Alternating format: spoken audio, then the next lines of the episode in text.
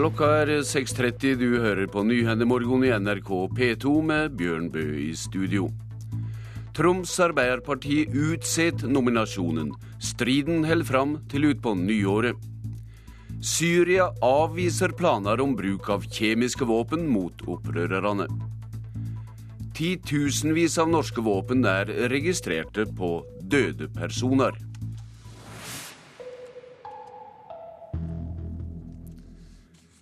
Arbeiderpartiet sentralt kommer til å godta at nominasjonsstriden i Troms lever til slutten av januar. Det varsler partisekretær Raimond Johansen. Etter at Roger Ingebrigtsen vedgikk et seksuelt tilhøve til ei 20 år yngre kvinne i partiet, har både han og kvinna trukket seg fra stortingsnominasjonen. Det har åpna for ny strid i fylkespartiet. Den kommer til å vare ei stund.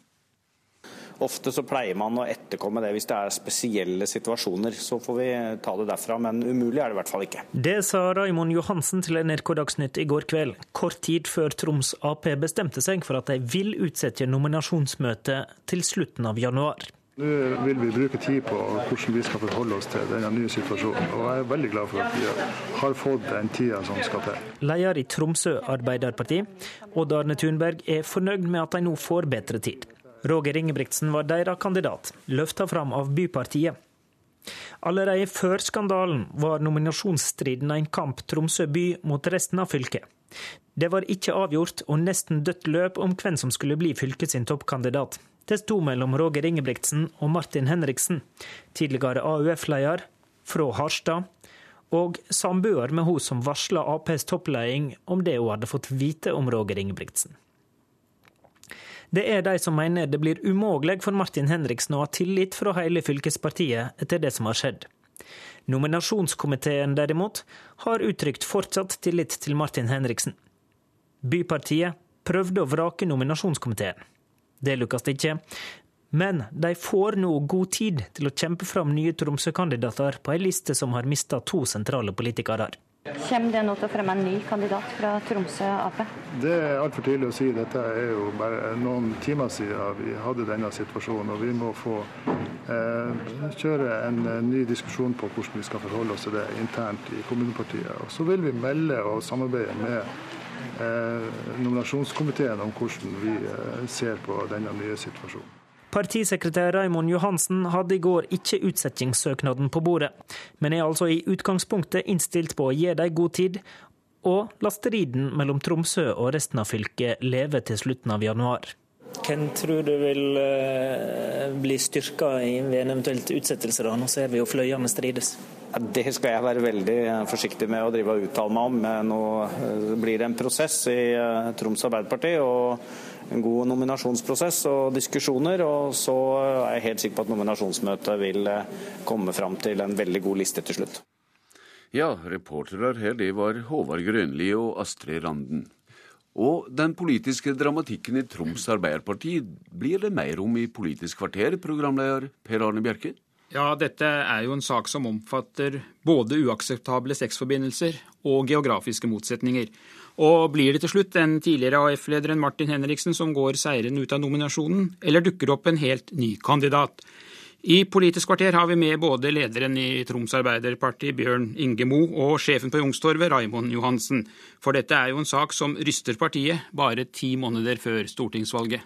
Ja, det er tydelig at det gjør. Men det er nominasjonsstrider andre steder også, og i Oslo SV er det nominasjonsmøte i kveld. Ja, i Oslo SV der slåss bistandsminister Heikki Holmås og Stortingets visepresident Akhtar Chaudhry om eh, topplassen. I kveld skal det hele avgjøres på et medlemsmøte der det er ventet eh, mange hundre deltakere, og det ligger an til en durabelig kampvotering. De siste ukene så har det pågått en eh, intens mobilisering på begge sider, og utfallet det er helt åpent.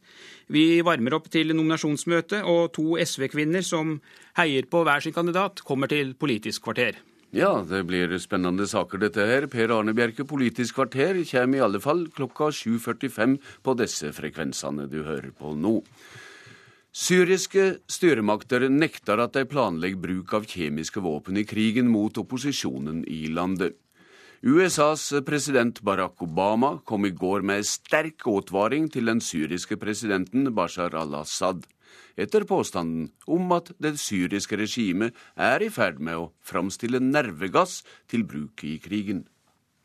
I det som omtales som en dramatisk henstilling, advarte i går kveld den amerikanske presidenten Syrias leder Bashar al-Assad mot å ta i bruk kjemiske våpen i borgerkrigen i landet. Jeg vil gjøre det absolutt klart for Assad og de som står under hans kommando, at verden følger nøye med, og at de gjør en tragisk feil som vil få direkte følger dersom de tar i bruk slike våpen, sa president Barack Obama. Obamas advarsel kom etter at amerikanske myndigheter i går hevdet å ha opplysninger som tyder på at syriske myndigheter har begynt å blande komponenter som brukes til å lage en dødbringende nervegass. I går kveld svarte myndighetene i Damaskus på anklagene. I en TV-sendt erklæring sier en talsmann for den syriske utenriksministeren Walid al-Muallem at syriske myndigheter ikke har noen planer om å bruke kjemiske våpen eller andre masseødeleggelsesvåpen. Det var utenriksmedarbeider Arnt Stefansen som orienterte. Natos utenriksministre vil si ja til spurnader fra Tyrkia om patriotraketter som skal utplasseres ved grensa til Syria.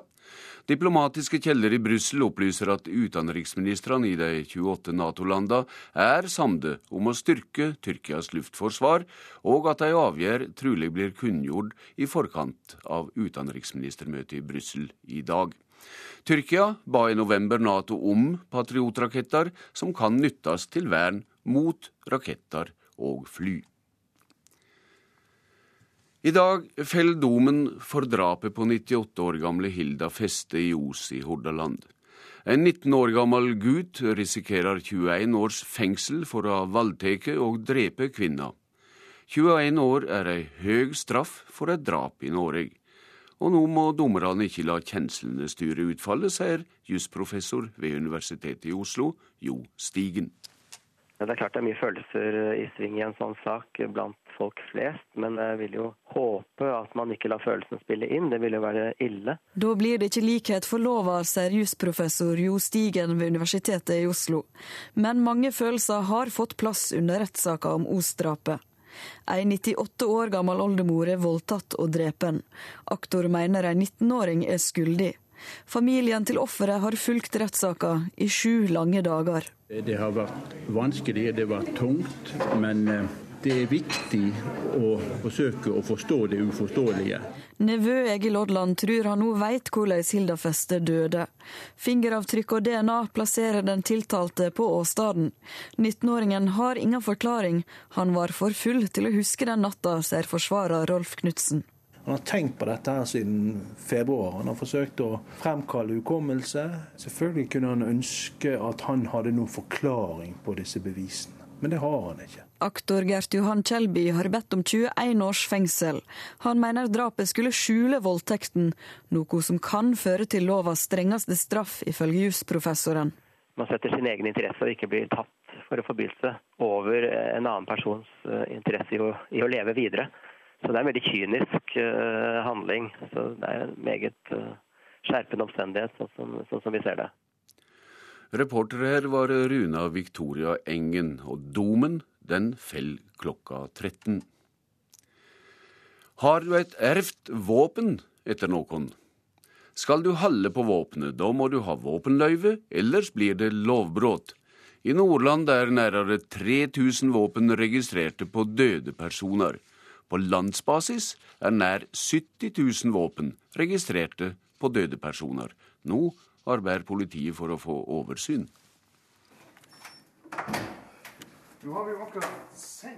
Førstekonsulent i Salten politidistrikt, Knut Bergseth, leder oss gjennom låste dører på Bodø politistasjon. Her oppbevares våpen som ikke har lovlige eiere, og som venter på å bli sendt til Kripos for destruksjon. Nå kan det vel være at her er litt sånn navnelapp Er du bosatt i Salten og arving til noen som eide et våpen, vil du sannsynligvis få et brev fra lensmann Walter Pedersen i Gildeskål i Nordland. For politiet er det jo veldig viktig at vi har god oversikt over hvem som har våpen, og, hvor de til enhver tid befinner seg. Tenker dere at dette kan være våpen som f.eks. selges videre? Har man våpen, så er det jo alltid en fare for at det kan bli selges videre, hvis det er noen som, som ønsker å kjøpe det ulovlig. I Salten har de klart å halvere antallet våpen registrert på døde personer de siste to årene, men på landsbasis går det adskillig saktere. Der har nedgangen kun vært på 10 og fortsatt er 66 000 våpen registrert på døde personer. Seksjonssjef i Politidirektoratet Steinar Talgø sier det opp til hvert enkelt politidistrikt hvordan man prioriterer de her sakene så er det selvfølgelig opp til eh, den enkelte politimester om hvorledes denne oppgaven skal prioriteres i forhold til andre høyt prioriterte oppgaver. Lensmann Walter Pedersen oppfordrer arvinger til å være oppmerksom. Politiet er jo eh, interessert i at våpnene eh, blir innlevert, eller at de blir registrert på personer som lovlig kan disponere dem og ha dem oppbevart i godkjente våpenskap, sånn som det nå er påkrevd å ha. Og reporter i denne våpensaka var Emil Innseth Viken. Alaska ble i natt norsk tid råka av et jordskjelv med styrke på 5,8. Senteret i skjelvet lå nær byen Anchorage. Det er ikke meldt om personskader eller alvorlige materielle øyelegginger. Vi skal se på noen av dagens avisframsider. Det er beintøft å være varsler, er hovedoppslaget i Dagsavisen. Arbeiderpartipolitiker Anne Marit Bjørnflaten sier hun er redd for ei utvikling som gjør at det kreves enormt mye for å stå fram. Hun sier dette etter at kvinna som varsla om tilhøvet til Roger Ingebrigtsen, har trukket seg fra stortingskampen etter trakassering på sosiale medier. Og avisa Vårt Land refererer en fagperson på overgrep som kommer med advaring til AUF-foreldre. Arbeiderpartiets retningslinjer mot seksuell trakassering gjev ikke nok vern, mener forsker Siri Søftestad. Det er inga bustadboble i Norge, forteller Dagens Næringsliv på si framside. Det er et sitat fra sjefen i finansnæringens hovedorganisasjon, Idar Kreutzer. Han sier at den høye prisvoksteren kommer av for låg bostadbygging. Derfor blir det feil å straffe bankene med nye regler, mener Kreutzer. Natos tolker er redde for livet sitt, skriver Aftenposten. Emran Nias er en av flere tusen tolker som har arbeidet for de Nato-ledde styrkene i Afghanistan. Og han er det bilde av på framsida. Mange er redde for hevn fra Taliban, Taliban og har søkt om asyl. Om lag 100 av dem vil til Norge. Dagbladet forteller om raseri mot Mette-Marits hemmelige babytur.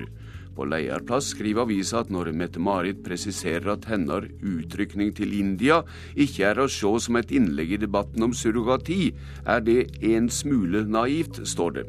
Avisa mener likevel at vennetjenesten bør berømmes, ikke fordømmes. Nasjonen skriver at norsvin taper millioner av kroner i USA. Grunnen skal være harde tider i amerikansk jordbruk. Vara det er snakk om, gjelder eksport av norske grisegen. Aksjonen i Arbeiderpartiet mot tilhengere av EUs vikarbyrådirektiv førte ikke fram, slår Klassekampen fast. Lokale LO-forbund vil ville straffe tilhengere i nominasjonene.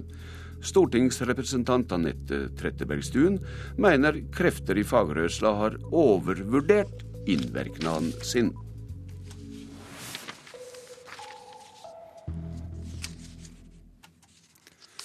I dag begynner håndball-EM for kvinner, og Norge møter vertsnasjonen Serbia i sin første kamp. 15 000 publikummere er venta til storhallen i Beograd. Norges landslagskaptein Marit Malm Frafjord venter høyt trykk. Nei, Det blir uh, veldig veldig artig. Jeg gleder meg til å komme i gang. og Det er en, uh, en perfekt åpningskamp. Men Norge kan få det tøft, for statistikken viser at de ofte sliter i starten av mesterskap. Til tross for startproblemene ender det som oftest godt for de norske jentene. EM-gull i 2010, VM-gull i 2011 og OL-gull sist sommer vitner om nettopp det.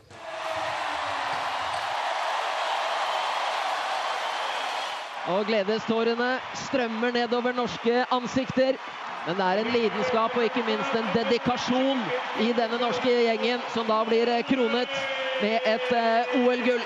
Det er nettopp jubelscener som fra sommerens OL-finale mot Montenegro de norske jentene vil oppleve på nytt. I Serbia kan Norge vinne sin femte strake EM-tittel, selv om flere sentrale spillere fra OL-troppen, deriblant keeper Kari Olvik Grimsbø, som er gravid, ikke er med. Selvfølgelig, Man savner jo spillere som har vært med, men det er ikke noe vits å tenke på dem som ikke er. Vi har Katrine som er kjempegod, vi har Silje Bakk, så vi har fortsatt et godt keeperteam. Og i det fjerne blinker en ny medalje som Marit Malm Frafjord kan tenke seg. Håper vi ender på toppen. Helt øverst, med gull. Ja, det vil jeg ha lyst på. Ja, og kampen mot vertsnasjonen den kan du høre i NRK P1. Sendinga starter klokka 20.03 i kveld. Reportere her var Anders Werner Øfsti og Hilde Liengen. Du hører på Nyhendemorgen i NRK P2 og Alltid nytt. Klokka er 6.46, og eh, dette er hovedsaker i nyhenda i dag. Troms Arbeiderparti utsetter nominasjonen. Striden holder fram til utpå nyåret. Syria avviser planer om bruk av kjemiske våpen mot opprørerne. Og følg oss videre. Foreldre har for dårlig selvtillit, mener fagfolk. Det kan gi utrygge barn.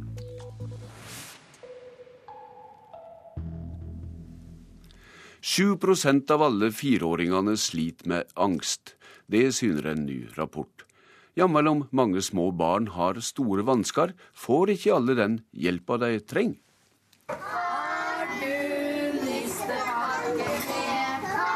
Å synge sammen med andre barn er ikke like lett for alle. En fersk undersøkelse, hovedsakelig fra NTNU i Trondheim, viser at 7% av alle fireåringer sliter med angst. Fagfolk over hele landet bruker rapporten i sitt arbeid, og en av dem er psykologspesialist Kåre Olafsen ved Sykehuset Østfold. Mange problemer eh, som, som, blir henvist til psykisk helsevern for barn og unge, de starter tidlig. Fordi det ikke er lett å oppdage, får heller ikke alle hjelpen de trenger. Jeg tror man kan gjøre en enorm samfunnsøkonomisk eh, jobb ved å sette inn eh, enkle tiltak tidlig. I Kjæråsen barnehage i Fredrikstad er barna samlet til lunsj. For pedagogisk leder Toril Alnes er det viktig at nettopp alle barna blir sett. Det første vi gjør er jo å bli klar over det. Altså, det tar jo kort tid å se at barn skiller seg ut. Eh, og da prøver vi å støtte barnet på en helt naturlig måte. Bare holder det litt i hånda eller liten klapp på skuldra og kommer litt oppmuntrende ord. Eh, og så prøver vi å jobbe med at barn får mot til å stå opp og være den den er, i de situasjonene som det kreves. Reporter her, det var Anette Torjussen, og det skal bli mer om bord i denne sendinga. Det er stendig flere foreldre som kjenner seg usikre på om de opptrer barna sine rett, og som leter etter svar i foreldrekurs eller hjå fagfolk de finner på nettet. Altfor mye informasjon om oppseing gir foreldre dårlig selvtillit, mener helsesøstera i Harstad. Nyslegen far Fredrik Nilsen mener at mange foreldre er forvirra. Det kommer en slags perfeksjon i det å være nybakt foreldre. Og da, eh, da tror jeg det kan ødelegge veldig mye for, for sånn som det egentlig skal være. For du må jo lære det sjøl, mener jeg. Nybakt pappa Joakim Nilsen tror at mange foreldre er forvirra over all informasjonen de får. Dette skjønner skribent Simon Flem Devold veldig godt. Han har skrevet om og for barn i en mannsalder gjennom spalten På skross i Aftenposten. Det, det finnes nye guruer i, i, i dette hele tida. Og så blir foreldre veldig, veldig forvirra. Det kan jeg veldig godt forstå. Tenker du at uh, dagens foreldre ikke bør ha dårlig selvtillit for den jobben de gjør som foreldre? Det er veldig farlig hvis de har dårlig selvtillit. Anne Kristiansen og de andre helsesøstrene i Harstad kommune tror at tilgangen på informasjon er årsaken til dårlig selvtillit blant foreldre. Nå mener de at foreldrene må stole mer på seg sjøl og høre mindre på ekspertene. Så Det er jo det der å lære seg å være kritisk til eh, det du ser der ute. Og så kan det jo bli å bruke så mye tid på å innhente informasjon om hvordan du skal være gode foreldre, at du nesten ikke får tid til å være foreldre. Hva kan konsekvensen være ved at foreldre henter, henter så mye informasjon på internett? Hvis det blir at det varierer fra periode til periode hva som, hva som gjelder og hva man har hørt, hørt som er bra, så, så, oppleves det merkelig for ungene uten at de egentlig forstår det. De bare ikke vet helt hva vi har å forholde oss til. Og Da blir ungene eh, usikre og utrygge, og at det kan eh, gi seg utslag i forhold til hvordan de eh, ter seg og oppfører seg, og at de kan bli krevende barn. Og så lurer foreldrene i neste runde på hva er det med ungen min, og søker ny informasjon. Helsesøster Anne Kristiansen merker en økt pågang fra foreldre som ønsker å gå på kurs for å lære seg å være nettopp mamma eller pappa. Og Simon Flem Devold han mener at hvis du tilbringer nok tid med ungene dine, så kjenner du dem også godt nok til å vite hva som er rett. Uten eksperthjelp. Så har du en slags følelse av hva som er det riktige for deg å gjøre. Jeg tror det er veldig viktig å følge den følelsen ganske mye mer enn du følger boka. Simon Flem Devold der, reporter Veronica Melå. FN-organet for telekommunikasjon vil ha kontroll over internett for å hindre spredning av kriminalitet og terror. Det vil føre til sensur og tollmurer, mener kritikere, som USA og EU, medan mange andre land er for større statlig kontroll. Slaget om dette står nå på en konferanse for et nytt internasjonalt FN-regelverk. Det er egentlig en, eh, en kamp om internetts fremtid. Det sier Torgeir Waterhouse i IKT Norge. Bak lukka dører i Dubai sitter nemlig akkurat nå representanter for de 193 medlemslandene i FN for å revurdere den internasjonale avtalen om telekommunikasjon for første gang siden 1988. Til nå har avtalen i hovedsak handla om radiosatellitter og telefonlinjer mellom landene, men flere stater vil ha med en regulering av internett i et worst case scenario så vil man enten i et overnasjonalt regelverk eller i, et, uh, i den enkelte nasjonalstat lettere kunne stenge tilgang til eller gjøre noe med innhold på nettet man ikke liker av en eller annen grunn uh, etter dette regelverket. It is ours and it is free. A free and open world depends on a free and open web. Ei fri og åpen vær kommer an på et fritt og åpent internett. Det er budskapen i Google sin underskriftskampanje mot å gi FN-organet for kommunikasjonsteknologi, ITU, makt til å styre over verdensveven. Forslagene som har kommet inn til en ny versjon av avtalen, er ikke offentlige. Men noen av dem har leket. Russland er mellom de som ønsker større nasjonalt styre. Waterhouse er redd stater som vil presse på for å få makt til å kontrollere internettbruken, vil vinne fram. Grovt sett så kan man nok si at de som ønsker den innstramningen, det er land som vi normalt ikke liker å, å bli sammenligna med. Mens de landene som er imot dette, er land vi typisk liker å sammenligne oss med. Mange, og det er forståelig, oppfatter internett som en utfordring og en trussel mot egen makt og egen kontroll. Det er en komplisert sak å lage et styre for internett, men for meg og deg vil en avtale som det flere nå går i bresjen for, bety at Hvis dette går igjennom, så vil internett bli en mer begrensa arena hva gjelder innhold og nye tjenester. Det kan også bli en dyrere arena, fordi det åpner for muligheten til å legge på forenkla sagt toll og vi kan havne i en situasjon hvor, eh, hvor, man får regulering nasjonalt, for den del, også i Norge, hvor med henvisning til at jo, det er regulert sånn internasjonalt, derfor må vi. Den norske regjeringa er på konferansen. De vil ikke uttale seg om saka på radio, men Samferdselsdepartementet skriver i en e-post til NRK at Vi vil arbeide for å unngå løsninger som begrenser ytringsfriheten. Vil det bli opprør om dette går gjennom? Det tror jeg. Reporter her var Maria Pile Svåsand. En ny forskningsrapport dokumenterer historien om de jødiske borna som måtte rømme fra landet under andre verdenskrigen. I rapporten forteller jødiske flyktningeborn for første gang offentlig om den dramatiske rømminga. Jeg var 13 år. Jeg husker alt sammen, ja. Han slapp så vidt unna og ble sendt til døden i Auschwitz som 13-åring. Politiet kom for å hente oss. Halvannen til to timer at vi hadde dratt. Så det var ikke mer klaring. Sigmund Korn, født i Østerrike. Sammen med 20 andre jødiske barneflyktninger kom han til Norge sommeren 1938. Fire år senere måtte han flykte igjen. Flyrammen gikk på natten, og Nina bestyrerinnen kommer inn til oss. Bestyreren på barnehjemmet tok barna med seg ut på en farefull flukt ut av Oslo nå forteller Sigmund Korn for første gang offentlig om den dramatiske flukten. Der fikk vi beskjed at vi måtte holde oss på gulvet, ikke snike nesa opp i en vindu engang. Vi hadde en uhell underveis, og bilen punkterte. Så vi måtte ut av bilen og så ned i grøfta. Over ned i grøfta, Da kjørte faktisk tyske motorsykler forbi på veien. Og så oss ikke. Var jo heldig, det kan si. Det kom en telefon som sa i natt skal det være fest igjen. Og nå er det de små pakkene som skal tas. Er, Birgit Rimstad tar master i historie om jøder som overlevde det norske holocaust etter flukt til Sverige. Jeg ønsket å snakke med de som fortsatt levde, for å få deres beretning om opplevelsene av flukt, opplevelsen av eksil, og hvordan livene ble i skyggen av holocaust. Hun vil gi ut bok om de jødiske barneflyktningene og lage undervisningsopplegg for skolene. Holocaust er det største ragnarok som har eh, rammet Europa, og også Norge. Det er viktig å samle kunnskap og kunne bringe den kunnskapen videre. Da freden kom, ville først ikke Norge ta imot de jødiske flyktningbarna. Vi hadde mistet vårt statsborgerskap, så vi var statsløse her. Og var statsløse når vi kom tilbake hit. Og så måtte vi gå og stemple passet en gang i året. da.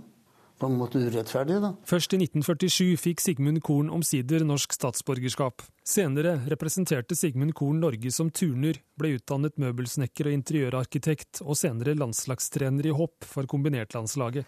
Det er litt paradoks, da. Det kan du si. Jeg tror at det må jobbes mer aktivt i norsk skole enn det som har vært gjort. I norsk lærerutdanning så må det legges mer vekt på menneskerettighetene, folkemordene, holocaust. Kunnskap tror jeg er det eneste som kan bringe oss videre. For dette er noe vi aldri må glemme. Reporter her var Stein S. Eide.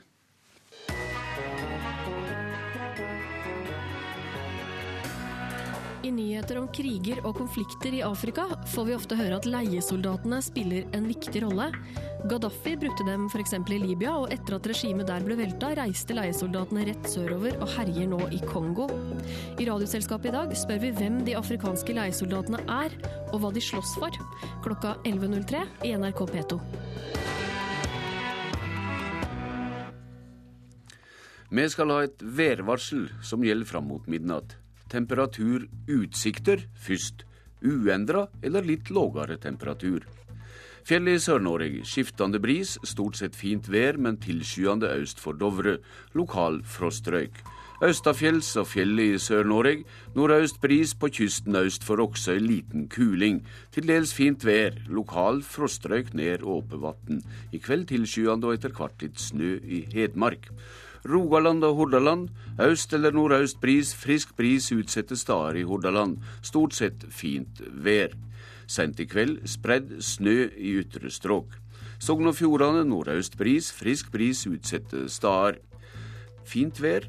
I kveld nordlig frisk bris, nordøst stiv kuling på kysten i nord. Tilskyende, stort sett oppholdsvær.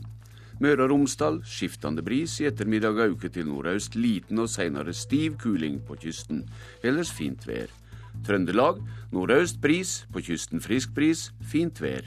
Helgeland, Saltfjellet, Salten og Ofoten østlig frisk bris utsatte steder, delvis skya oppholdsvær. Lofoten, Vesterålen og Troms nordøst bris, snøbyger på kysten av Troms, i kveld også lenger sør, ellers opphold. Finnmark nordøst bris, periodevis liten kuling på kysten. Snøbyger på kysten, ellers opphold. Nordensjøland på Spitsbergen nordøst bris, enskilde snøbyger på kysten, ellers opphold. Og så er det temperaturer klokka fire i dag. Svalbard lufthavn minus seks, Kirkenes minus ti, Vardø null, Alta minus ni, Tromsø, Langnes minus 4, Bodø minus 6, Brønnøysund minus 6, Trondheim, Værnes minus 13, Molde minus 7, Bergen, Flesland minus 9, Stavanger minus 5, Kristiansand, Kjevik minus 10, Gardermoen minus 16, Lillehammer minus 18, Røros minus 25, og på Oslo-Blindern var det 13 grader minus klokka fire.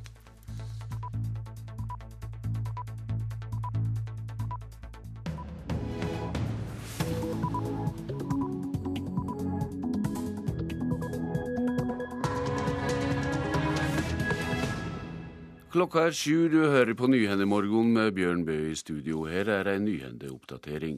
Både Forsvaret og Naturvernforbundet er uroa for auka internasjonal skipstrafikk langs norskekysten. Ulykker med dømes oljeskip vil få katastrofale følger. Hvor man med ulykker kan få store konsekvenser for miljøet og livet i sjøen. To år etter at regjeringa lanserte industrikraftordninga, er det ingen som nytter henne.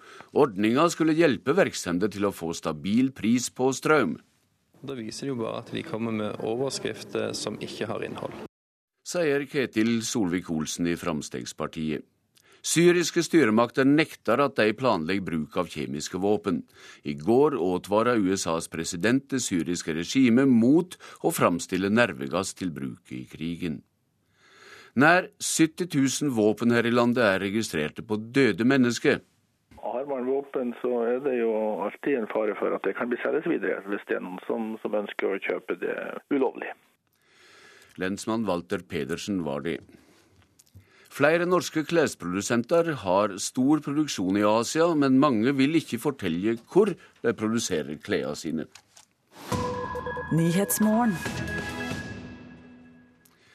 To år etter at regjeringa lanserte industrikraftordninga, er det ingen som nytter henne.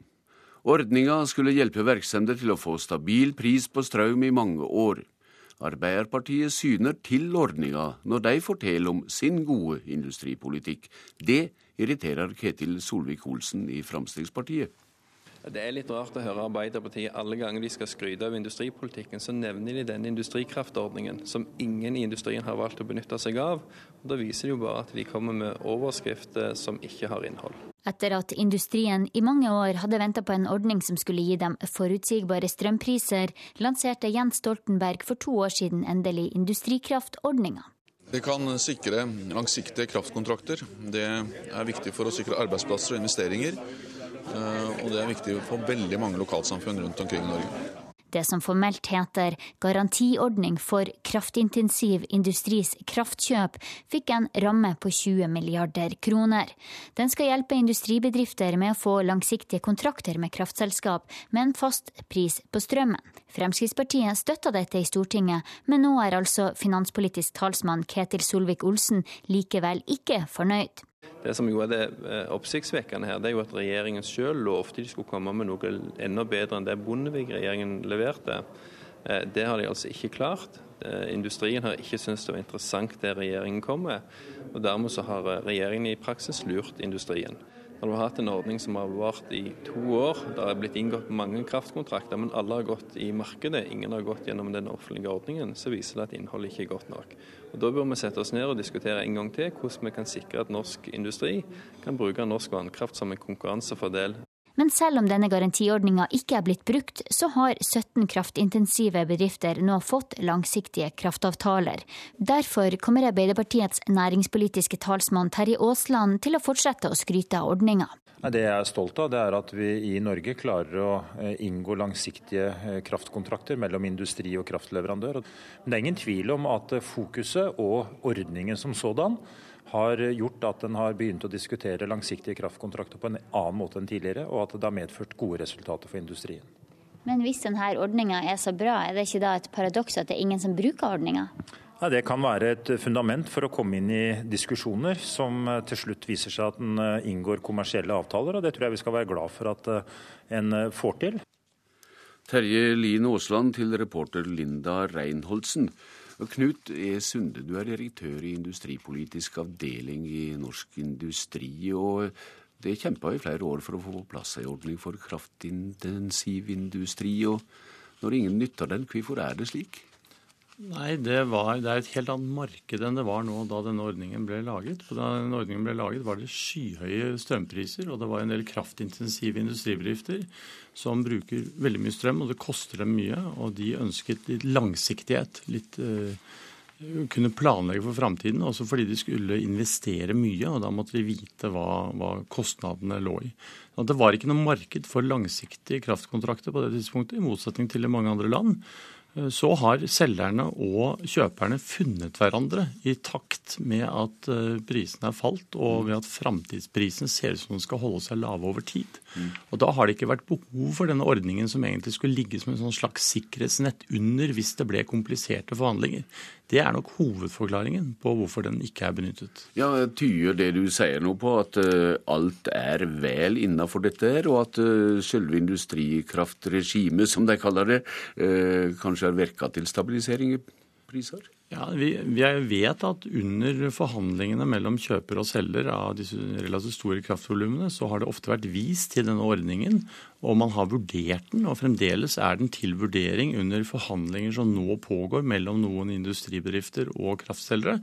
Sånn at for oss er det viktig at ordninger støtter opp under det som skjer i markedet, men det er jo ikke noen målsetning at alle mulige ordninger skal brukes mest mulig. Så vi mener at ordningen har hatt en misjon, mm. men det er ikke noe mål at den brukes. Og det har skjedd en del endringer i markeder i mellomtiden. Så det er ikke bare tull og vas, slik det høres ut som Fremskrittspartiet mener, etter ditt syn, da, når du kommer til realitetene i næringslivet? Jeg mener at ordningen har, hatt uh, sin misjon, men samtidig så skal man heller ikke overdrive det hele. Vi er bare opptatt av at kjøper og selger skal finne hverandre og finne fornuftige løsninger. og Da har denne ordningen fungert. Og vi skal heller ikke se bort fra at den kommer til å bli tatt i bruk. Det kan fort oppstå en eurokrise eller finanskrise som gjør at bildet ser helt annerledes ut. Det er rimelig kompliserte forhold. Så, men den har ikke hatt den enorme effekten som noen la opp til, men den skal heller ikke harseleres over. Eh, investeringene i Fastlands-Norge er lave, og dersom virksomheten skal tjene på tradisjonell norsk industri, så trenger de kanskje lave kraftpriser. og Sier du da at dette er et sikringsnett likevel?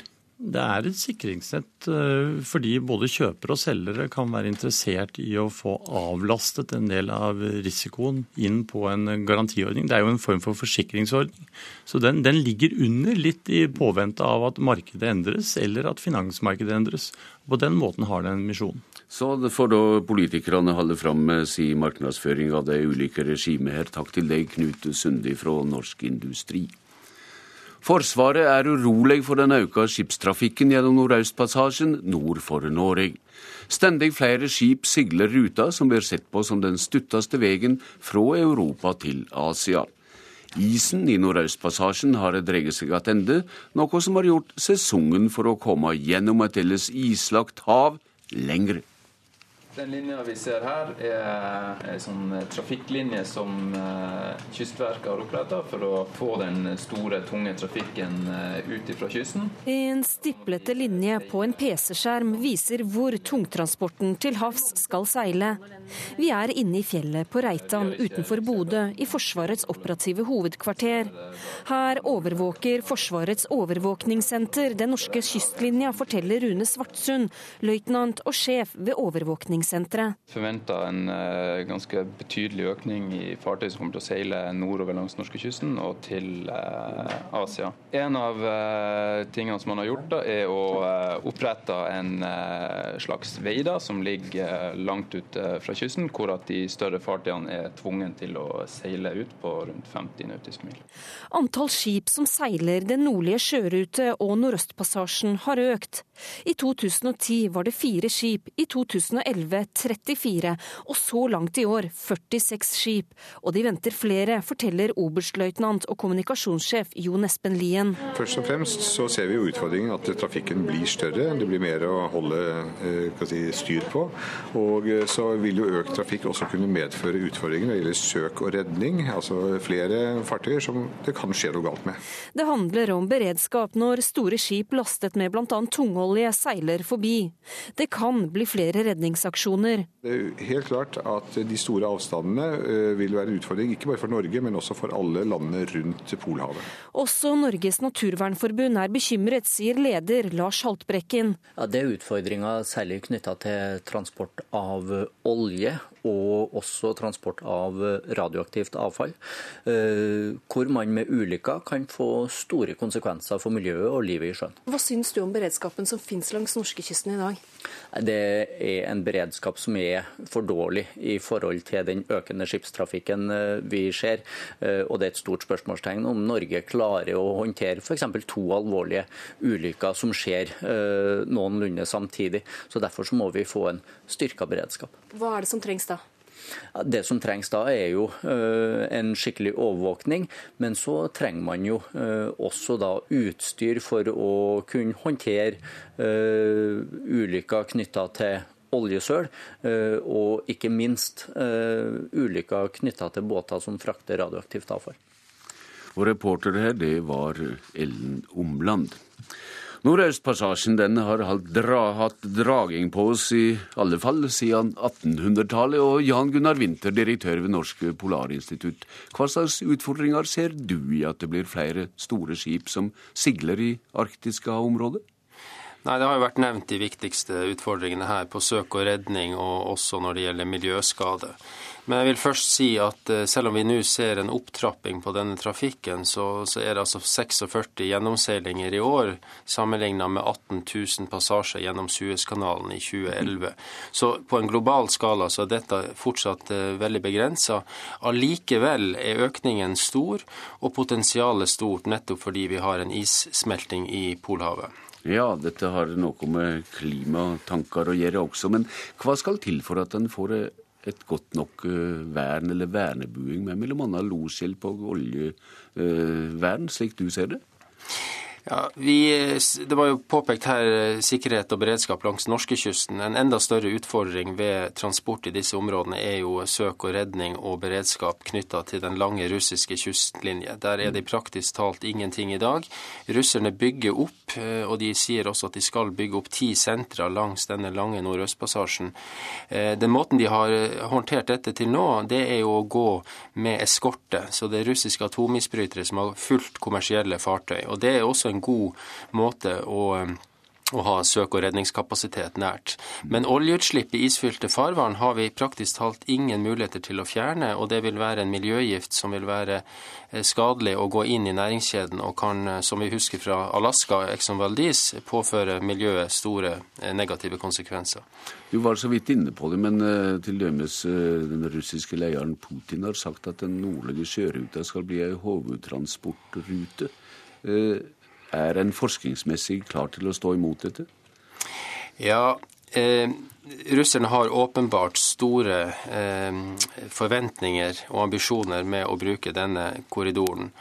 Eh, da tror jeg allikevel man skal være oppmerksom på et annet fenomen som, som skjer. og Det er at isen trekker seg nå så raskt tilbake sommerstid at man kan ikke utelukke at om noen år så seiler man ikke lenger Nordøstpassasjen, men man seiler dypere inn i Polhavet.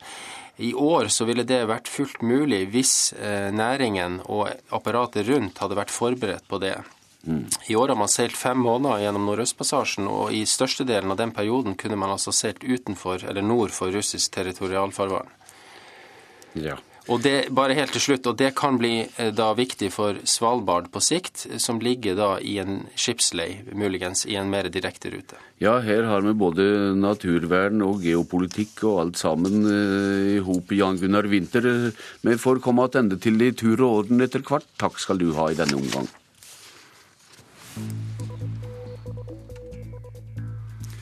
Klokka er 7.14 snart. Du hører på Nyhendemorgen i NRK P2. Og dette er hovedsaker i dag. To år etter at regjeringa lanserte industrikraftordninga, er det ingen som nytter henne. Skipstrafikken øker kraftig gjennom Nordøstpassasjen. Forsvaret er uroa for at ulykker i dette øyeområdet kan gjøre stor skade. Og det er tøff innspurt i klimatingingene i Doha i dag.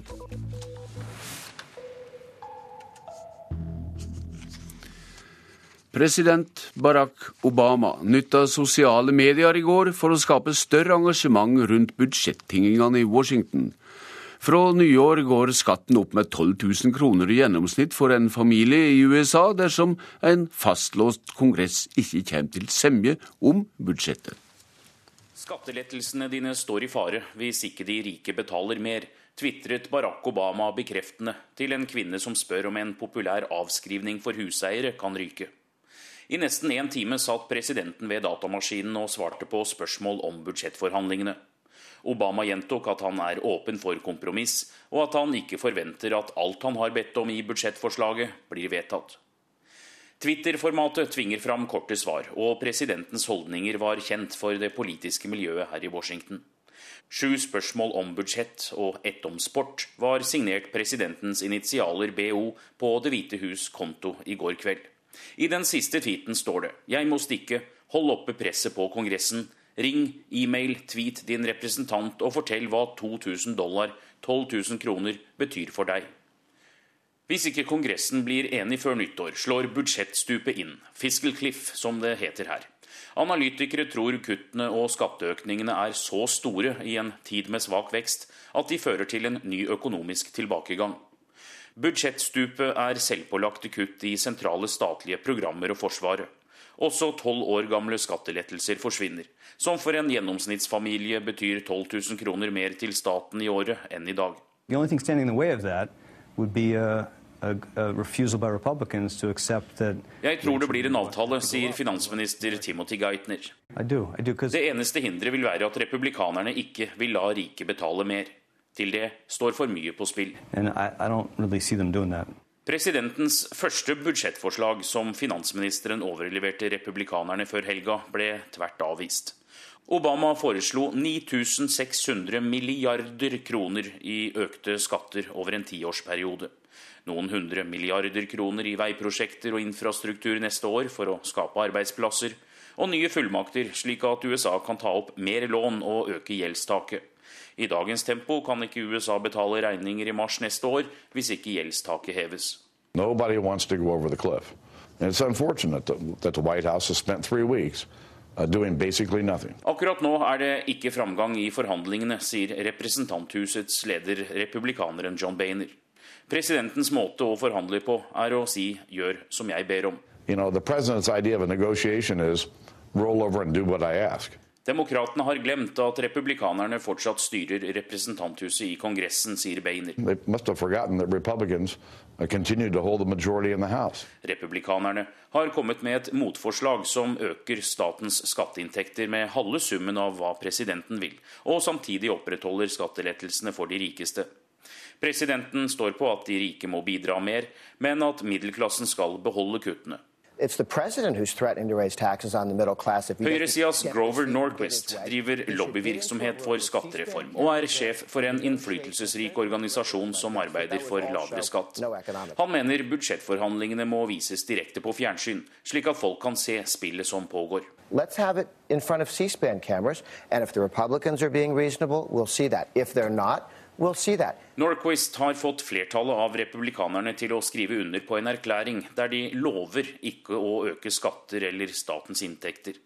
Noen har allerede snakket høyt om å bryte løftet. Etter frokost i dag tar presidenten imot landets guvernører i Det hvite hus for å diskutere hvordan de skal få økonomien til å vokse og underskuddet til å bli mindre. Senere denne uka møtes Kongressen for å se hvor de står i budsjettforhandlingene. Anders Tvegård, Washington. Ja, det var altså rapport om økonomien i USA. Utenriksministrene i Nato vil si ja til en forespørsel fra Tyrkia om patriotraketter som skal utplasseres langs grensa til Syria. Diplomatiske kjeller i Brussel opplyser at utenriksministrene i de 28 Nato-landene er samde om å styrke Tyrkias luftforsvar, og at de avgjør trolig blir kunngjort når utenriksministermøtet i Nato begynner i Brussel i dag. Den tidligere lederen for Det internasjonale pengefondet, Dominic Strauss-Kahn, skal delta i et rettsmøte i New York førstkommende mandag, der han skal møte kvinner som har klaga han for voldtekt. Den påståtte voldtekta, som skal ha skjedd på et hotell i New York, førte til at Strauss-Kahn mister stillinga si som IMF-leder. Det er venta at møtet på mandag vil føre til forlik mellom de to. I det østlige Kongo har regjeringssoldater tatt kontroll over byen Goma etter at opprørerne dro seg ut av byen i forrige uke. Flyplassen i Goma vil etter planen bli gjenåpna senere denne veka. Geriljarørsla M23 dro seg ut av Goma og andre byer i Øst-Kongo etter ei avtale med styremaktene i landet.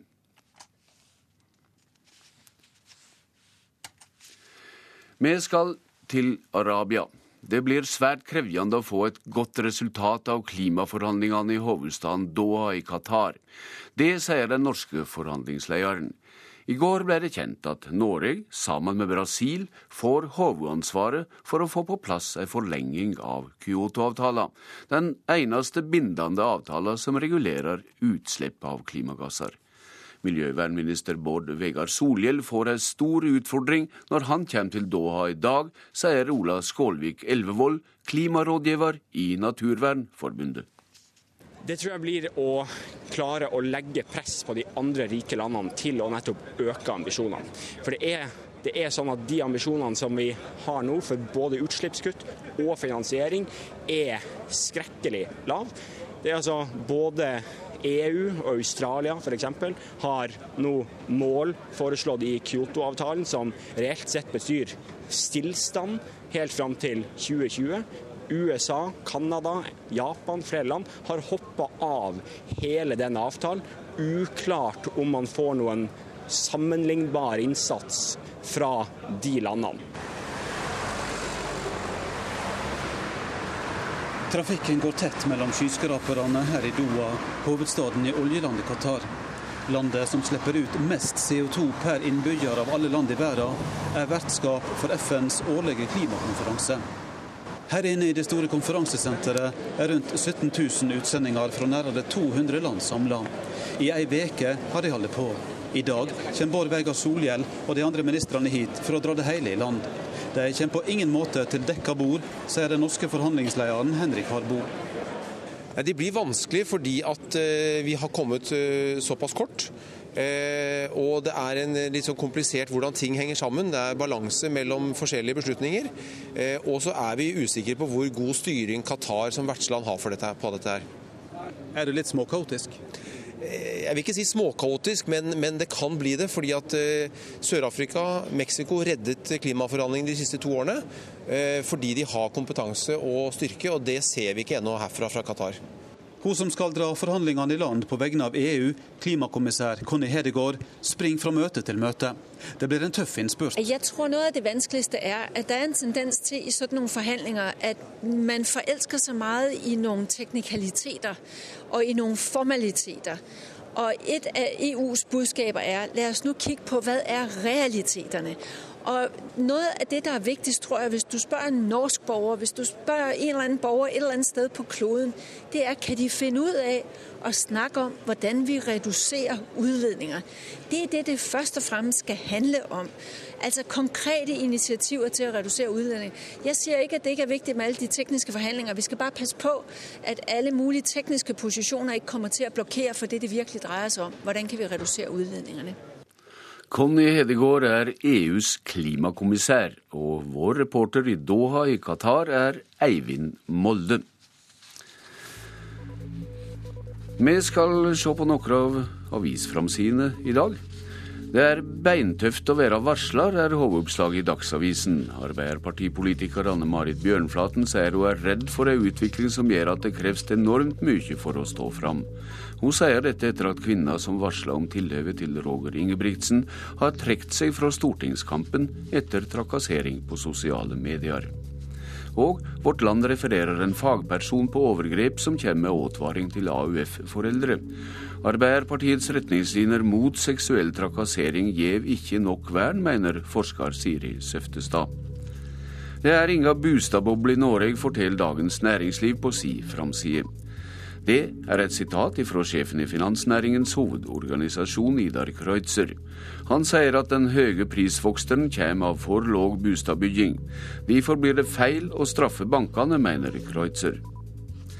Natos tolker er redde for livet sitt, skriver Aftenposten. Fram, på framsida er det bilde av Emran Nias, som er en av flere tusen tolker som har arbeidet for de Nato-ledde styrkene i Afghanistan. Mange er redde for hevn fra Taliban og har søkt om asyl. Om lag 100 av dem vil til Norge. Dagbladet forteller om raseri mot Mette-Marits hemmelige babytur. På lederplass skriver avisa at når Mette-Marit presiserer at hennes utrykning til India ikke er å se på som et innlegg i debatten om surrogati, er det en smule naivt, står det. Avisa mener likevel at vennetjenesten bør berømmes, ikke fordømmes. Aksjonen i Arbeiderpartiet mot tilhengere av EUs vikarbyrådirektiv førte ikke fram, slår Klassekampen fast. Lokale LO-forbund ville straffe tilhengere i nominasjonene. Stortingsrepresentant fra Arbeiderpartiet Anette Trettebergstuen mener krefter i fagrørsla har overvurdert innvirkningen sin.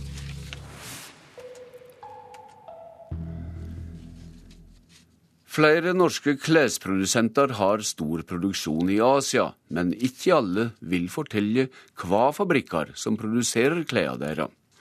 Klesprodusentene over hele verden blir skylda for ikke å forsikre seg om at arbeiderne har gode nok arbeidstilhøve i land som Kina, India og Pakistan. Leder i Fremtiden i våre hender, Arild Hermstad, mener virksomhetene bør offentliggjøre hvor klærne deres blir laga veldig viktig at de norske aktørene er tydelige på at de tar sitt ansvar på alvor. At de vil ta etisk ansvar, og at de f.eks.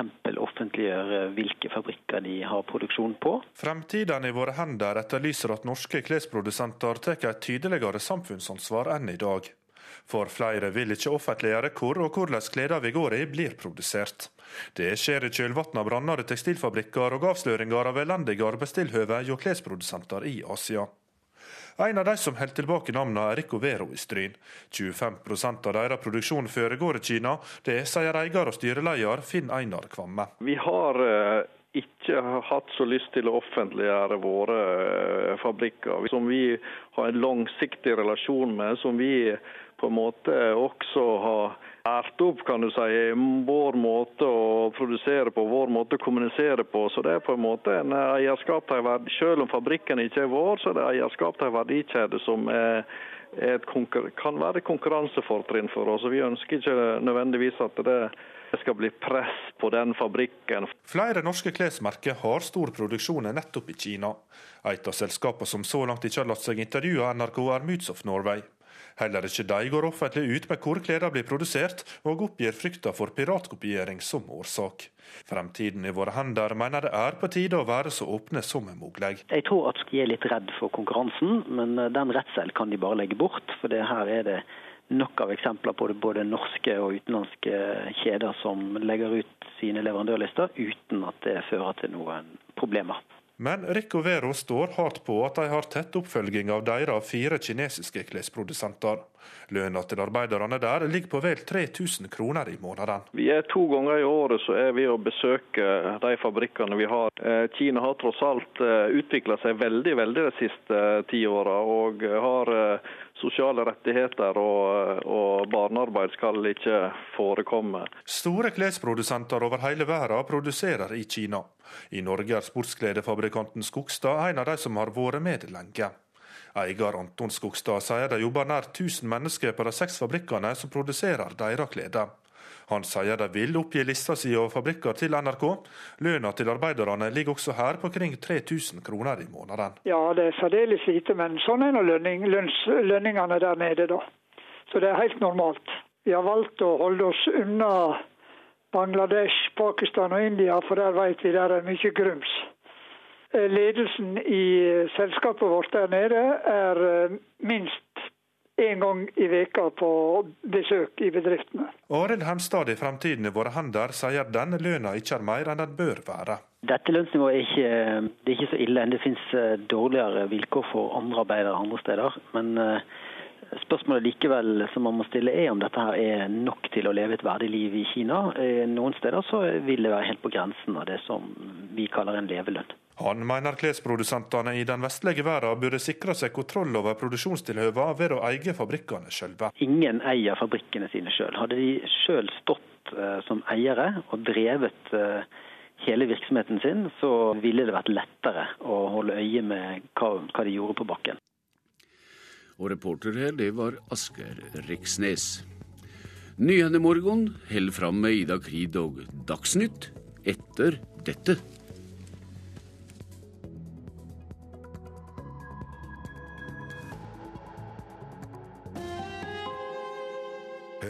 Ekko. Halvveis inn i FNs forhandlinger hører vi igjen ordet klima. Det var lenge siden. Er det fordi folk er trøtte av å høre om klima? Politikerne ikke vil snakke om det? I hvert fall ikke gjøre noe? Og på toppen av det hele så vinner klimaskeptikerne stadig mer terreng. Er engasjementet helt dødt? Ekko 9 11 i NRK P2.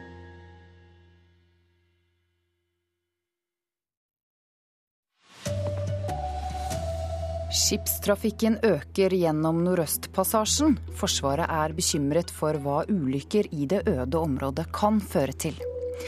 Sexspråket i Troms Arbeiderparti gjør at nominasjonsstriden kan vare helt til slutten av januar. Håndballjentene håper å unngå marerittstart på EM mot vertslandet Serbia. Her er NRK Dagsnytt klokken 7.30.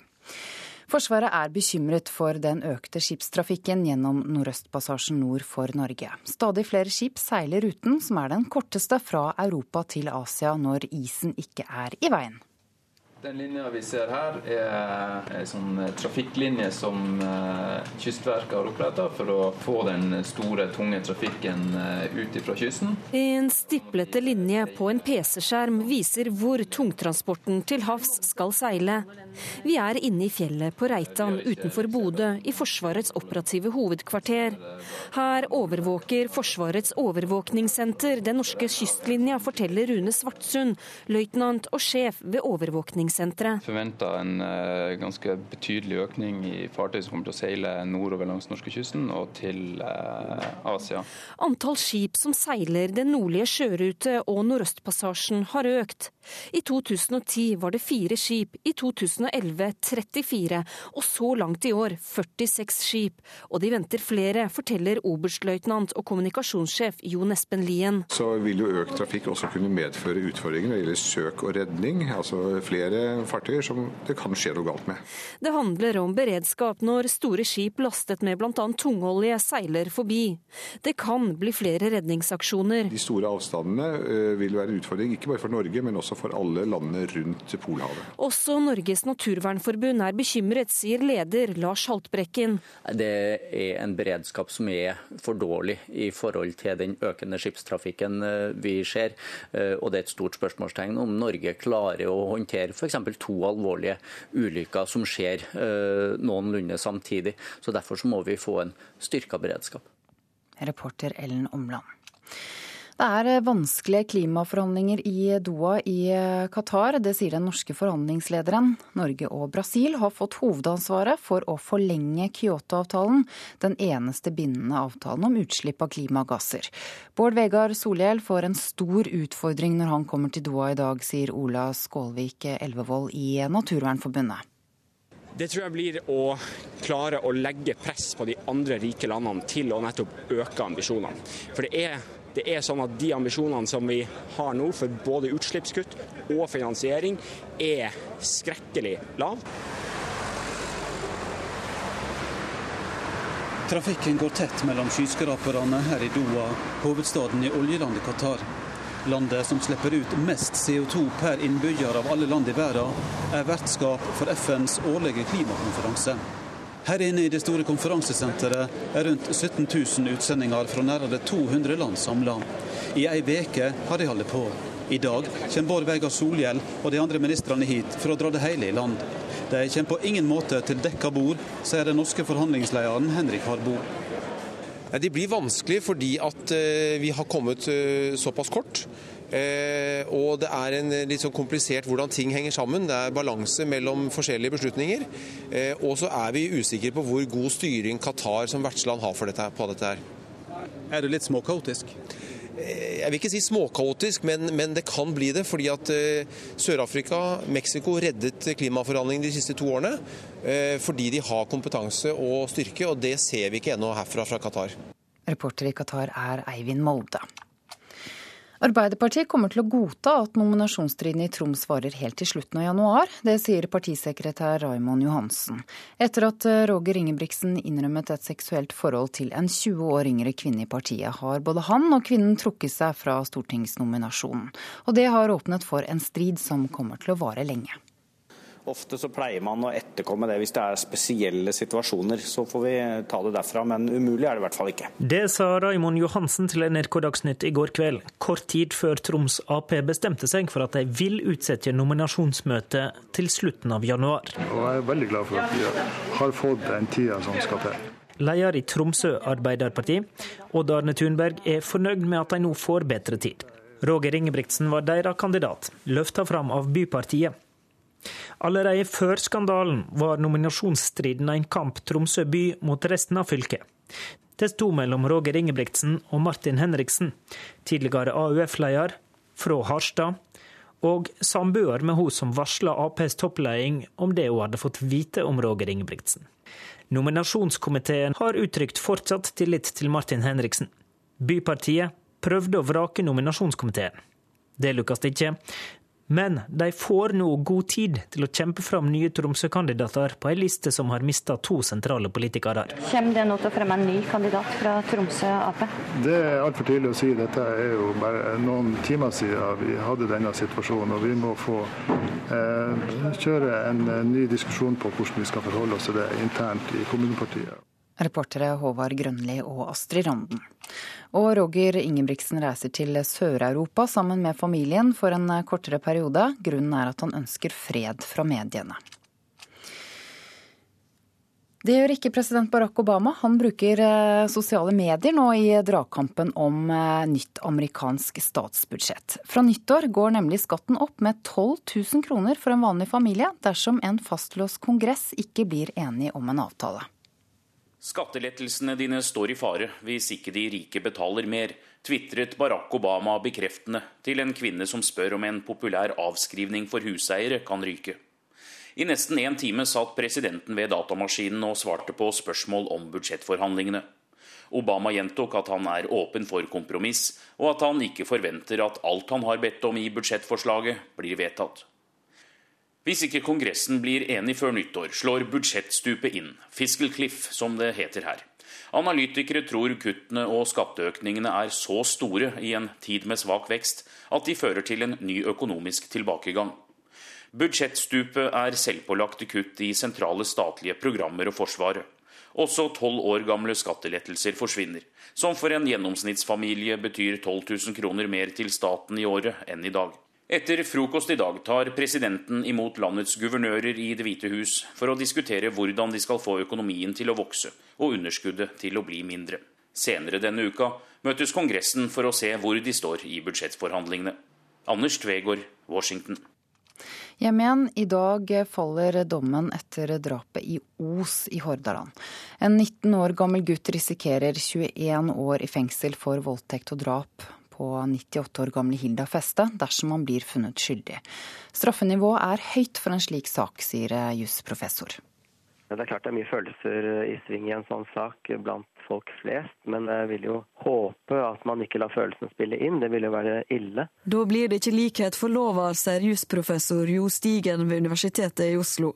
Men mange følelser har fått plass under rettssaka om Os-drapet.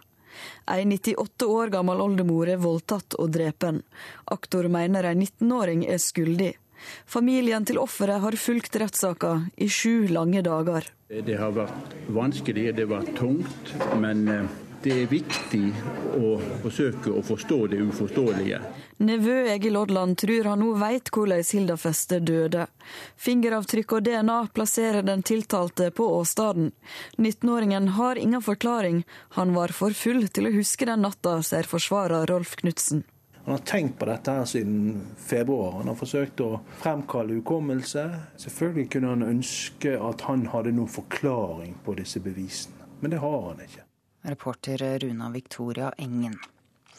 I dag starter håndball-EM. Norge møter vertsnasjon Serbia i sin første kamp. Norges Marit Malm Frafjord venter seg fullt trykk. Nei, Det blir uh, veldig veldig artig. Jeg gleder meg til å komme i gang. og Det er en, uh, en perfekt åpningskamp. Men Norge kan få det tøft, for statistikken viser at de ofte sliter i starten av mesterskap. Til tross for startproblemene ender det som oftest godt for de norske jentene. EM-gull i 2010, VM-gull i 2011 og OL-gull sist sommer vitner om nettopp det. Og gledestårene strømmer nedover norske ansikter. Det er nettopp jubelscener som fra sommerens OL-finale mot Montenegro de norske jentene vil oppleve på nytt. I Serbia kan Norge vinne sin femte strake EM-tittel, selv om flere sentrale spillere fra OL-troppen, deriblant keeper Kari Olvik Grimsbø, som er gravid, ikke er med. Selvfølgelig, Man savner jo spillere som har vært med, men det er ikke noe vits å tenke på dem som ikke er. Vi har Katrine som er kjempegod, vi har Silje Bakk, så vi har fortsatt et godt keeperteam. Kampen mot Serbia kan du høre i NRK P1 klokken 20.03. Reporter Hilde Liengen. Ansvarlig for denne sendingen Arild Svalbjørg, Per Ivar Nordahl og Ida Creed.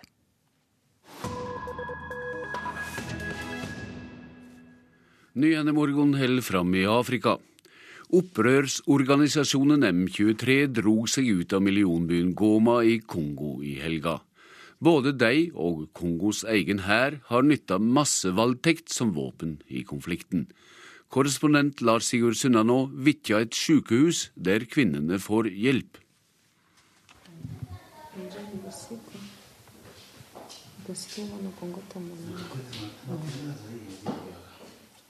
Lavmælt forteller hun sin historie. Om da det banket hardt på døren en natt for 14 dager siden, mens hun lå og sov sammen med mannen sin i huset deres hjemme i landsbyen, tre-fire mil nord for Goma. Mannen åpnet, og inn stormet tre opprørssoldater. De bandt ham, og så voldtok de henne etter tur. De tok alt av verdi i huset og dro sin vei, men ikke før de hadde skutt mannen hennes i magen. Vi er på Keshero hospital i Goma, spesialsykehuset for voldtatte kvinner i Nord-Kivu. Den mineralrike og krigsherjede provinsen øst i Den demokratiske republikken Kongo. Det er den kristne norske humanitære organisasjonen Join Good Forces i Kristiansand som har reist sykehuset sammen med sin lokale samarbeidspartner Hope in Action. Pengene, 55 millioner kroner, er kommet fra Utenriksdepartementet i Oslo. Og hospitalet ble åpnet så sent som for to uker siden. Et par dager før opprørsbevegelsen M23 inntok provinshovedstaden ved Kivusjøen. Sykehuset er allerede stappfullt av ofre. Maintenant, nous avons toute euh, Vous allez voir quand vous allez visiter l'hôpital que nous avons environ 50 femmes qui sont violées. I øyeblikket er det, som du vil se når du går rundt på sykehuset, rundt 50 voldtatte kvinner her, forteller gynekologen Deogracias Gabo. To av dem ble voldtatt for 72 timer siden. Vi fikk dem inn i morges. Mor og datter. Datteren er bare tolv år gammel. Dette er livets realiteter her og det har vært i lang tid. Vi er så vant til det, sier han. Vi kjører gjennom millionbyen Goma. Folk har tatt helg. Det er liv på markedene i byen, men mange forretninger er fortsatt lukket og bankene stengt. Goma har nå vært under opprørernes kontroll i elleve dager, selv om det er FNs hvite pansrede personellkjøretøyer og soldater med blå hjelmer som preger gatebildet. FNs fredsbevarende operasjon i Kongo er blant verdensorganisasjonens største. Men de nær 7000 soldatene som er utstasjonert i Kivu-regionen, har heller ikke denne gang klart å hindre kamphandlingene, plyndringene og volden som det siste halve året har drevet flere hundre tusen kongolesere bort fra hjemmene sine. Og voldtektene fortsetter. De 50 kvinnene som i øyeblikket får hjelp på Kishøre sykehus i Goma, er bare toppen av et stort, mørkt isfjell. Og det er ikke alltid sex som driver overgriperne. Voldtektene er blitt en integrert del av krigshandlingene, og de syns ikke å ha noen ende i denne delen av Kongo. d'un plaisir sexuel du moment où on trouve des femmes qui ont été violées par cinq hommes. Du kan ikke snakke om seksuell glede når en kvinne blir voldtatt av fem menn, sier gynekologen Deogracias Gabo. Eller når en får vagina fylt med stein eller kuttet opp med kniv. Den seksuelle volden brukes som et våpen i krigføringen. Det gjelder å nedverdige både kvinnene og mennene deres. Sa altså korrespondent Lars Sigurd Sunna nå. Klokka har passert 7.44, og dette er hovedsaker akkurat nå. Både Forsvaret og Naturvernforbundet er uroa for auka internasjonal skipstrafikk langs norskekysten. Ulykker med til dømes oljeskip vil få katastrofale følger. Det er krevjende innspurt i klimatingene i Doha. Nominasjonsstriden i Troms Arbeiderparti kan holde fram helt til slutten av januar. Og dette er selvsagt tema også for deg i Politisk kvarter, programleder Per Arne Bjerke. Ja, dette er jo en nominasjonskamp som inneholder både sexskandaler og geografiske motsetninger. Og i Oslo SV kjemper en statsråd og en visepresident om førsteplassen på stortingslista. Vi varmer opp til kveldens spennende nominasjonsmøte i Politisk kvarter.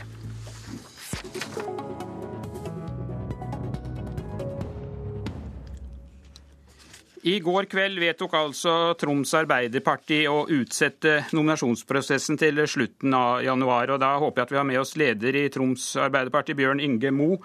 Hvordan skal dere klare å skape ro omkring denne nominasjonsprosessen etter det som nå har skjedd, Mo? Der var det ingen i Tromsø, nei. Da får vi gå videre til deg, Raymond Johansen, partisekretær i Arbeiderpartiet. Hvor mye skader denne saken dere i oppkjøringen til valgkampen?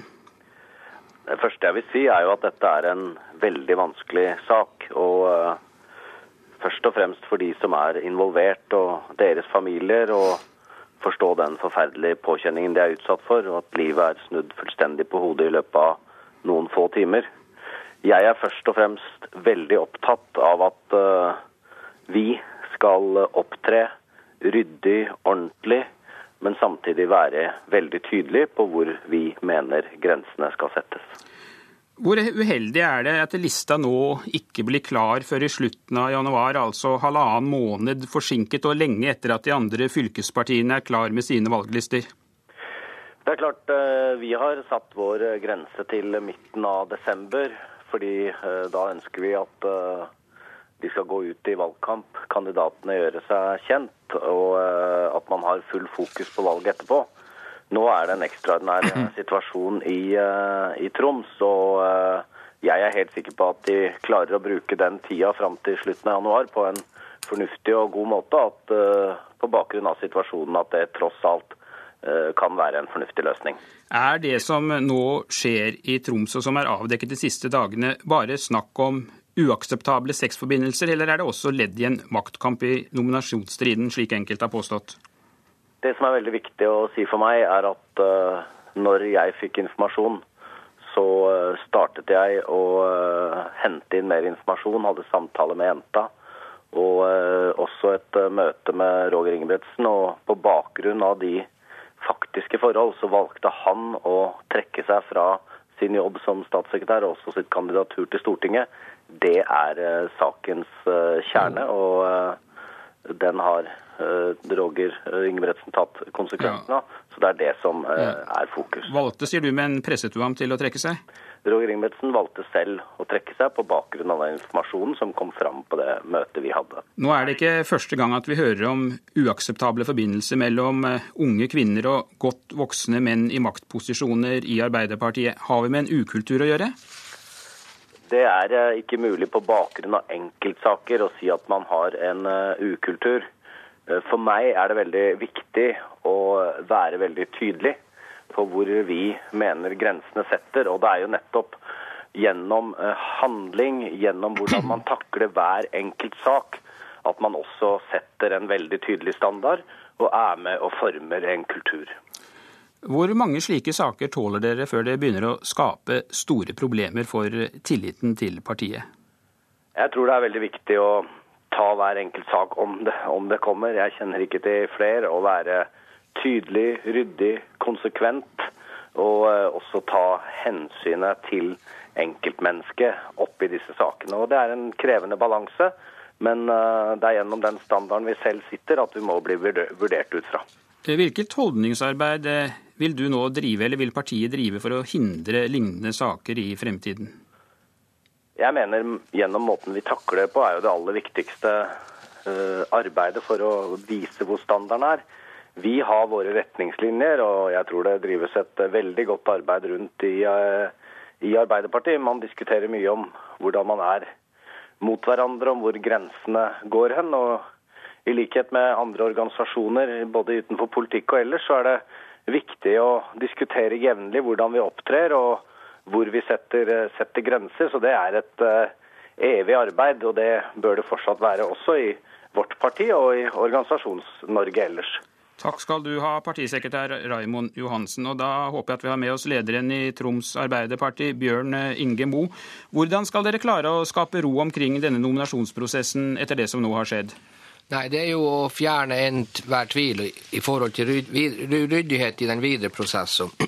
Og Vi har jo hatt flere møter, bl.a. i går, hvor vi har drøfta situasjonen som er oppstått. og Vi er veldig opptatt på at vi, vi trenger den tida for å tenke oss om og puste godt ut og, og komme videre. Og klare å legge, og at nominasjonskomiteen får mulighet til å legge fram et listeforslag som som vi kan stå samla om i, valget. Her er det jo ikke bare snakk om å puste ut, for to av kandidatene har uh, trukket seg. og Hvor vanskelig er det å få satt sammen en ny liste nå? Det tror jeg egentlig at nominasjonskomiteen er, er best egnet til å svare på. Men det er klart, det, det er utfordringer. Det er, en, det er en veldig vanskelig situasjon vi er kommet i. Vi har eh, to svært dyktige politikere har trukket seg fra lista vår, så det må vi forholde oss til. og og jeg er sikker på at vi klarer å få fram et listeforslag som sørger for at vi kan sende gode folk fra Troms til Stortinget neste høst. Nå vet vi jo at det er snakk om en uakseptabel sexforbindelse, men hvor trygg er du på at vi ikke også har å gjøre med en politisk maktkamp i Troms Arbeiderparti? Nei, Der har jeg egentlig bare lyst til å slutte meg til det Raimond Johansen sier. at Hvis jeg hadde vært i en sånn situasjon som Raimond Johansen og hun jenta som varsla om det, så ville jeg gjort akkurat det samme, uavhengig av om vi var midt i en nominasjonsprosess eller ellers også. U uansett så har jeg tatt tak i det på dagen. I Tromsø så er det jo stor motstand mot eh, Roger Ingebrigtsens tidligere rival Martin Henriksen. Og Henriksen han kommer fra den andre store byen i fylket, Harstad. Hvilken betydning spiller geografi i denne nominasjonsprosessen? Ja, jeg vil nok kanskje si at geografi er nok kanskje ikke den viktigste faktoren. For det er jo faktisk sånn at i det forslaget som ble fremlagt, så var begge byene i Troms representert. Og jeg tror det er viktig. Vi har et uttrykk her oppe i Nord-Norge som, som heter å skille snørr og bart, og det tror jeg faktisk er veldig viktig her framover.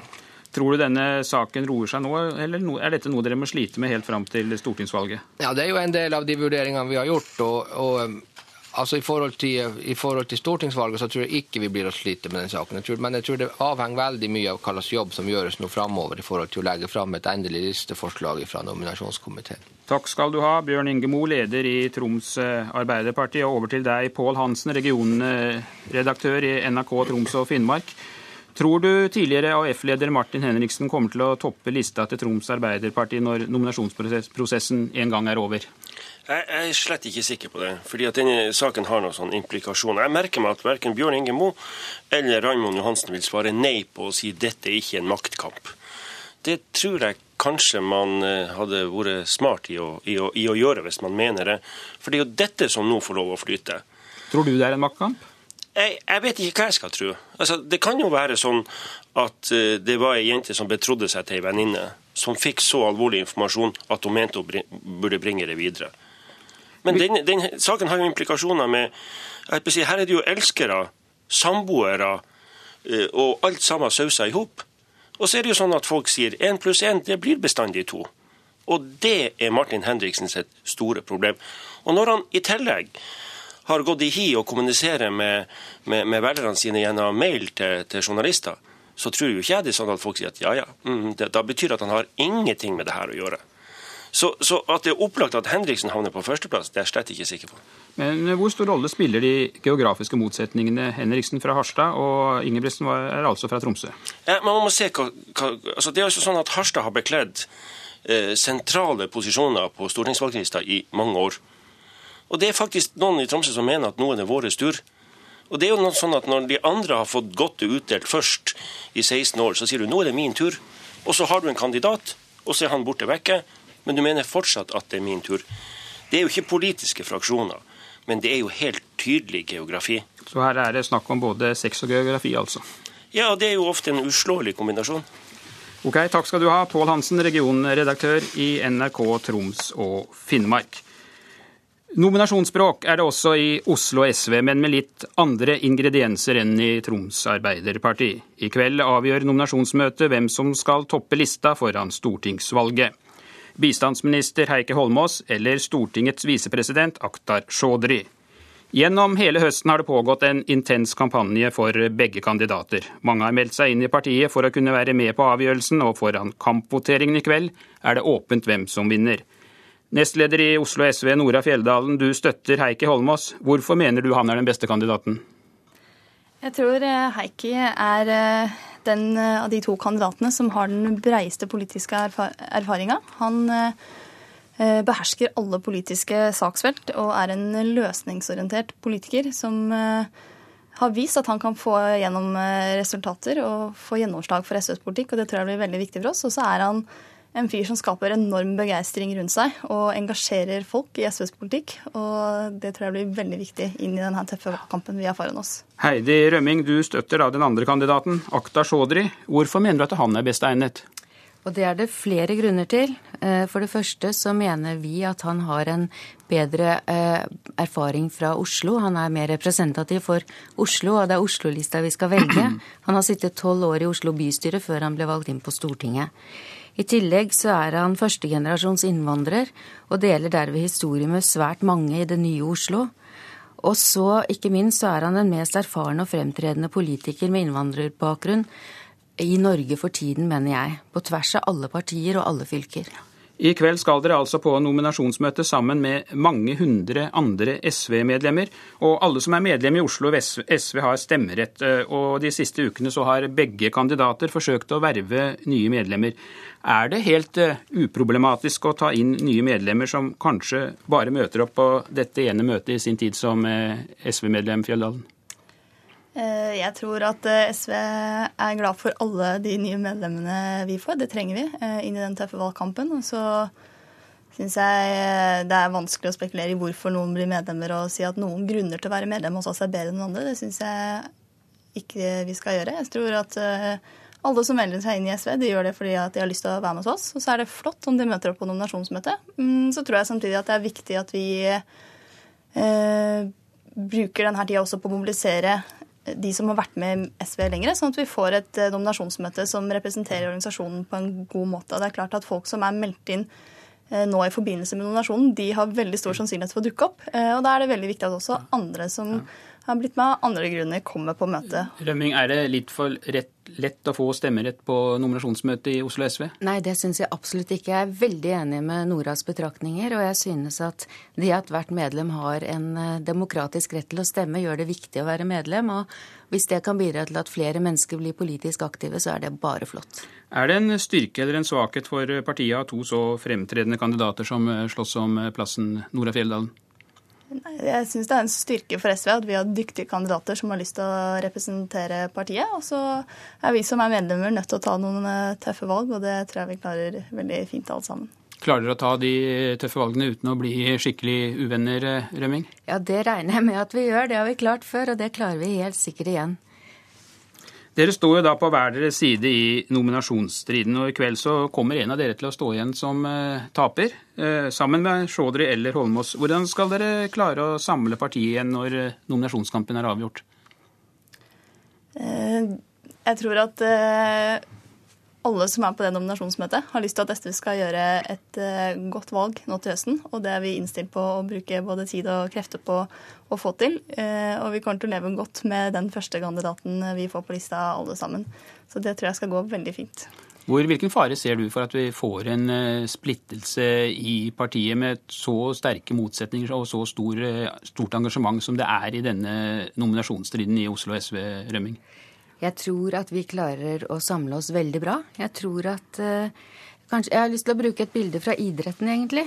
Uh, I Oslo SV så har vi alle sammen samme farge på drakta. Og vi har egentlig felles mål, og, og, vi vil hverandre vel, og det tror jeg vi skal klare å få til. I valgkampen er det da vi må virkelig ta den store kampen sammen. Hvilket eh, dilemma er det for dere at uh, taperen da kanskje forsvinner ut av rikspolitikken? Heike Holmås f.eks., som da er statsråd og som var kandidat til ledervervet person, men som trakk seg. Han har kanskje nå ikke kommet inn på Stortinget og kanskje forsvinner dersom regjeringen også ryker ved valget? Ja, Det er klart at jeg syns det er synd. Det er derfor jeg har brukt tid de siste ukene på å mobilisere folk til å komme på møte og sikre han den plassen på Stortinget. Eh, så tror jeg at eh, hvis det nå så blir sånn at eh, han ikke får det, så har vi mange dyktige kandidater nedover på lista som skal være med og drive valgkamp. Og det blir også veldig spennende å se hvordan de utvikler seg i årene framover. Rømming, spiller dere litt høyt når dere nå kjemper for Sjådry, og så mister dere kanskje Holmås for godt? Jeg tror at uansett utfallet i kveld, så vil det være stor plass for både Akhtar og Heikki i i Norge framover. De er meget dyktige begge to, og de har eh, stor kompetanse på noen fellesfelt og på hver sine felt. Og jeg er helt sikker på at vi kommer til å se mye av begge to uansett utfallet. Da får jeg ønske dere lykke til begge to, Nora Fjelldalen og Heidi Rømming. Og det var eh, Politisk kvarter. Jeg heter Per Arne Bjerke.